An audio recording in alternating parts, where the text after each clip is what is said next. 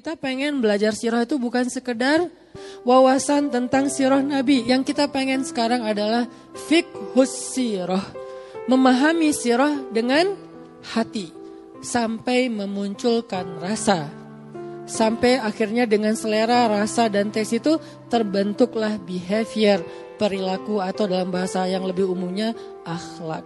Makanya kita berharap belajar sirah kita itu muncul rasa di hati kita seperti rasa yang dirasakan oleh para sahabat.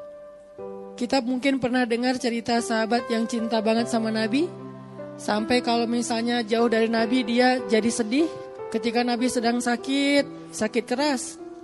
Kemudian Nabi berdiri di atas mimbar, Nabi bertanya, mungkin setelah hari ini saya tidak akan bertemu lagi dengan kalian. Kata Allah, "Fadhkuruni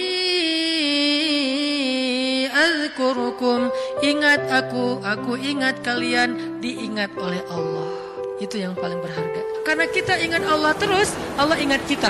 Dan ingat Allah kepada kita tuh wala zikrullahi akbar. Ingat Allah kepada kita itu jauh lebih dahsyat daripada ingat kita kepada Allah. Makanya kalau kita spontan ingat Allah, Masya Allah ini nikmat dari Allah. Allah juga akan spontan lebih dahsyat dari itu ingat kita. Nih hambaku, nih hambaku, nih hambaku. Sehingga ketika Allah punya hadiah untuk hamba-hambanya di muka bumi, kita duluan yang diingat. Ke sini dulu, ke sini dulu sebelum yang lain. Kenapa? Fadkuruni adkurkum. Ingat aku, aku ingat kalian. Mention Allah dalam setiap aktivitas kita. Memulainya Bismillah. Menyudahinya Alhamdulillah. Di antara keduanya kita bisa bilang Masya Allah, kita bisa bilang Subhanallah. Tetapi awal dan akhirnya Bismillah, Alhamdulillah.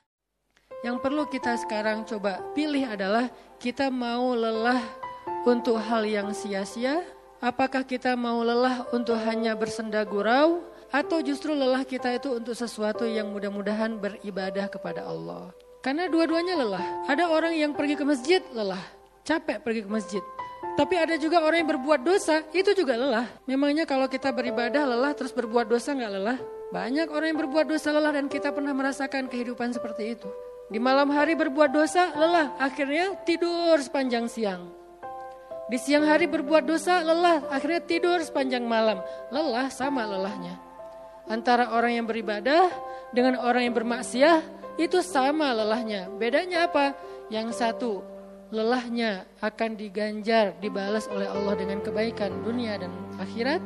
Yang satu lagi lelahnya hanya akan disudahi dengan penyesalan.